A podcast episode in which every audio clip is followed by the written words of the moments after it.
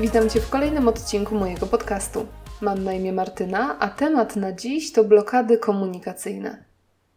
No dobra, obiecywałam, obiecywałam, więc w końcu jest.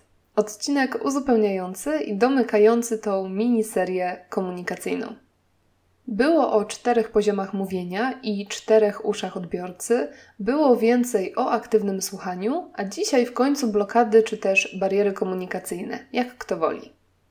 Oczywiście mały disclaimer na początek, na pewno nie padną tu wszystkie blokady i błędy, ale chcę wymienić chociaż tych kilka, siedem dokładnie, które jako pierwsze mnie samej nasuwają się na myśl i które ja uważam za te najczęstsze w przyrodzie. I druga informacja porządkowa, będzie to oczywiście w punktach, bo no to jestem ja, więc jak coś da się zrobić w punktach, to ja to na pewno zrobię. I tak, punkt pierwszy, komunikat ty. Jest cały odcinek o komunikacie ja, o którym już ostatnio przypominałam, i tam siłą rzeczy komunikat ty też jest wspomniany, ale tak dla porządku. Komunikat ty to mówienie cały czas o drugiej osobie i zrzucanie na nią odpowiedzialności za własny stan, własne emocje i wszelkie sytuacje, jakie się dzieją w tej konkretnej relacji. Tak, jestem zła, bo ty mnie denerwujesz, znowu nie możemy się dogadać, bo ty masz jakieś pretensje i tak dalej. Osobiście jestem wyznawczynią tezy, że każdy kryzys i problem w relacji to efekt działania wszystkich zaangażowanych stron. I patrząc na moje doświadczenia życiowe, a wśród nich znajduje się mój rozwód i też obserwacja kilku innych rozwodów i rozstań, naprawdę wierzę w to, że wina zawsze leży po obu stronach. Nie zawsze jest równa, oczywiście, ale nawet jeśli czasem jest to 90% do 10%, to to 10% najczęściej też jest. Choćby w formie braku działania i pozwalania na daną sytuację. A w większości relacji to nawet nie jest 90 do 10, a dużo bardziej wyrównana proporcja. I jasne, nikt nie chce przyznawać się do swojej winy. Dużo łatwiej jest zrzucać całą odpowiedzialność na drugą stronę. Ale to ani nie rozwiązuje problemu, ani tak naprawdę nikomu nie pomaga. Bo nie zdając sobie sprawy ze swojego udziału w sytuacji, nie wyciągasz lekcji na przyszłość. Więc w imię dobrej komunikacji i lepszych relacji postaraj się unikać komunikatu ty i brać odpowiedzialność za własne emocje i nastrój. Wisienką na torcie przy komunikacie ty jest nasz punkt drugi, czyli generalizacje, zwłaszcza słowa zawsze i nigdy. W 99% przypadków są one przesadą, w dodatku nieuczciwą. A nawet jeżeli zaiste nasz partner czy partnerka nigdy nie odkurza w mieszkaniu, to i tak przypięcie jej czy jemu łatki nigdy prawdopodobnie będzie irytujące i sprawi, że drugiej stronie odechce się dalszej rozmowy. I okej, okay, jeżeli Twoim celem jest po prostu dokopanie tej drugiej stronie i tupnięcie nogą, wtedy by all means mów nigdy, mów zawsze i w ogóle mów co tylko zechcesz. Ale też nie spodziewaj się, że ta relacja przetrwa i będzie satysfakcjonująca dla kogokolwiek. Jeżeli natomiast na danej relacji Ci zależy, to namawiam. Wyrzuć ze słownika te dwa słowa i po prostu postaraj się ich świadomie nie używać. A jeśli jakaś sytuacja faktycznie zdarza się często, to mów zgodnie z prawdą. Nie pamiętam, kiedy ostatni raz wyniosłeś śmieci. Bardzo często masz do mnie o coś pretensje. Mam wrażenie, że rzadko mnie słuchasz i tak dalej. Nadal przekażesz komunikat, nadal wyrazisz swoje niezadowolenie czy złość. Ale pozostaniesz fair w stosunku do drugiej osoby, twój komunikat zostanie zupełnie inaczej odebrany i docelowo ty i twój partner czy partnerka będziecie o krok bliżej rozwiązania problemu. Zejdziecie z ringu i siądziecie do stołu, że tak polecę metaforą. Punkt numer 3. Chowanie się za my. Jedna z blokad, która na mnie działa jak płachta na byka. Przede wszystkim się nie denerwujmy. Myślę, że powinniśmy się uspokoić. W takich sytuacjach zwykle mówię: Jeżeli uważasz, że ja powinnam się uspokoić, to mi to powiedz. Jeżeli uważasz, że ty powinieneś, to powiedz, że potrzebujesz czasu. A nie scalaj nas w jeden twór i tym samym nie mów mi, co ja mam robić i jak ja mam się czuć. Tutaj też dochodzi chowanie się za ogólnikami. Mówi się, ludzie mówią, że tak jest lepiej, nie tak się to robi. Jedną z głównych zasad podczas treningów interpersonalnych, o których tu kiedyś opowiadałam, jest to, żeby mówić w pierwszej osobie liczby pojedynczej. Ja uważam, ja myślę, ja chcę, ja potrzebuję. I szczerze, ja uważam, że ta zasada powinna też dotyczyć komunikacji w ogóle.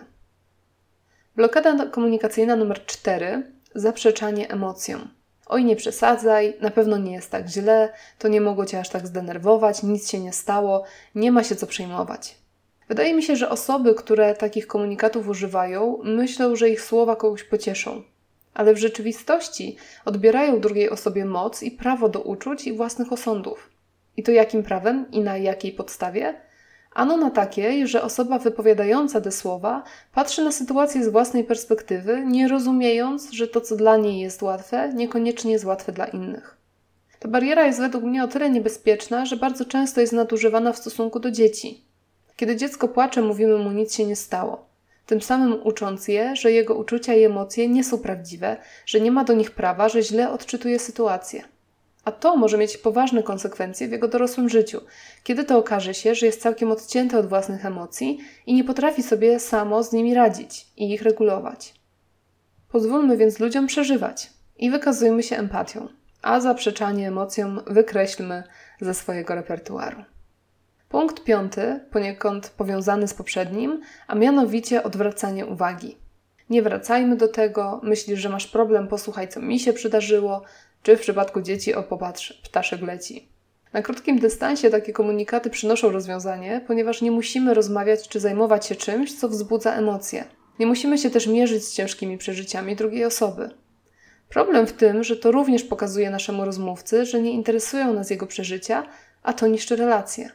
Bo kto chce być w związku, w którym nie jest ważny? Bariera numer 6. Udzielanie rad. Dawanie drugiej osobie recepty na jej problemy, na przykład ja bym na Twoim miejscu, to zrób to i to. Co jest w tym złego? Portal Focus.pl bardzo fajnie to opisał, więc pozwolę sobie zacytować. Dawanie innym rozwiązań tłumaczy się jako wyraz troski o nich, a tak naprawdę podszyte jest brakiem zaufania do ich inteligencji i możliwości poradzenia sobie z trudnościami. Inny problem polega na tym, że doradca rzadko rozumie w całości sytuację, gdyż ludzie, którzy dzielą się swoimi troskami, pokazują często tylko wierzchołek góry lodowej. To ogromne ryzyko brać w takiej sytuacji na siebie odpowiedzialność za rozwiązanie problemów innych. Dlatego jeśli ktoś Cię poprosi o radę, super daj mu ją, ale póki nie zostaniesz o to wprost poproszony czy poproszona, postaraj się od niej powstrzymać, po prostu. I wreszcie bariera numer 7, czyli nieaktywne słuchanie. I tutaj właściwie mam na myśli cały repertuar zachowań. A mianowicie przerywanie, kończenie zdań za rozmówcę, wyciąganie pochopnych wniosków, zakładanie, że wie się o czym rozmówca chce powiedzieć, czy zamiast faktycznego słuchania układanie sobie w głowie odpowiedzi, czy komunikatu, który się przekaże, kiedy ta druga strona przestanie mówić. Wszelkie te czynności rozwalają komunikację właściwie na trzy sposoby. Po pierwsze, są najczęściej odbierane jako brak szacunku dla rozmówcy i jako stawianie się ponad nim, na pozycji osoby wszechwiedzącej.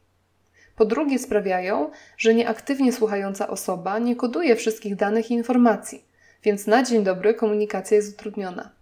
I wreszcie po trzecie, wszelkie wtrącenia, przerwania i tym podobne wybijają rozmówcę z rytmu, przez co łatwiej mu zgubić wątek, a to jest nam maksa irytujące. W efekcie przez to, że aż tak bardzo skupiamy się na tym, co sami chcemy powiedzieć, lub przez to, że zakładamy, że wiemy, co chce powiedzieć ta druga strona, nie słuchamy, nie kodujemy i nie ułatwiamy sobie zrozumienia naszego rozmówcy. A w takiej sytuacji komunikacja po prostu nie może się udać. Tak więc, reasumując, czego nie robić? Nie używać komunikatu ty, nie używać słów zawsze i nigdy, nie nadużywać słowa ny. Nie zaprzeczać emocjom drugiej strony, nie zmieniać tematu i nie odwracać uwagi od niego, nie udzielać rad, zwłaszcza jeśli nie jest się o to poproszonym, nie przerywać, nie kończyć zdań za drugą stronę, nie zakładać z góry, co rozmówca chce powiedzieć i nie skupiać się w rozmowie na sobie i swoich kwestiach. A zatem, co robić? Używać komunikatu ja, mówić o konkretnych sytuacjach, a nie o osobie, trzymać się faktów, mówić w pierwszej osobie liczby pojedynczej wykazywać się empatią i uznawać emocje i uczucia drugiej osoby, bo ma do nich pełne prawo. Dawać drugiej osobie czas na to, żeby się wygadała o swoim problemie, jeżeli tego potrzebuje. Wspierać i być obok, a rad udzielać tylko po wyraźnej prośbie o nie. I wreszcie słuchać, słuchać i słuchać. Aktywnie i świadomie. Tych kilka drobnych zmian na pewno nie zaszkodzi żadnej relacji, a wiele z nich może wręcz uzdrowić i wznieść na zupełnie nowy poziom. Dlatego zachęcam Cię dziś bardzo gorąco do tego, żebyś zapamiętał czy zapamiętała te 7 punktów. A następnie spróbuj się przez jakiś czas pokomunikować z ludźmi z trochę większą samokontrolą i samoświadomością. Bo nie chodzi o to, żeby od teraz każda rozmowa była traktowana jak start rakiety NASA, ale chodzi o to, żeby pewne rzeczy u siebie zauważyć, skorygować i wyrobić sobie nowy nawyk lub pozbyć się kilku starych złych nawyków.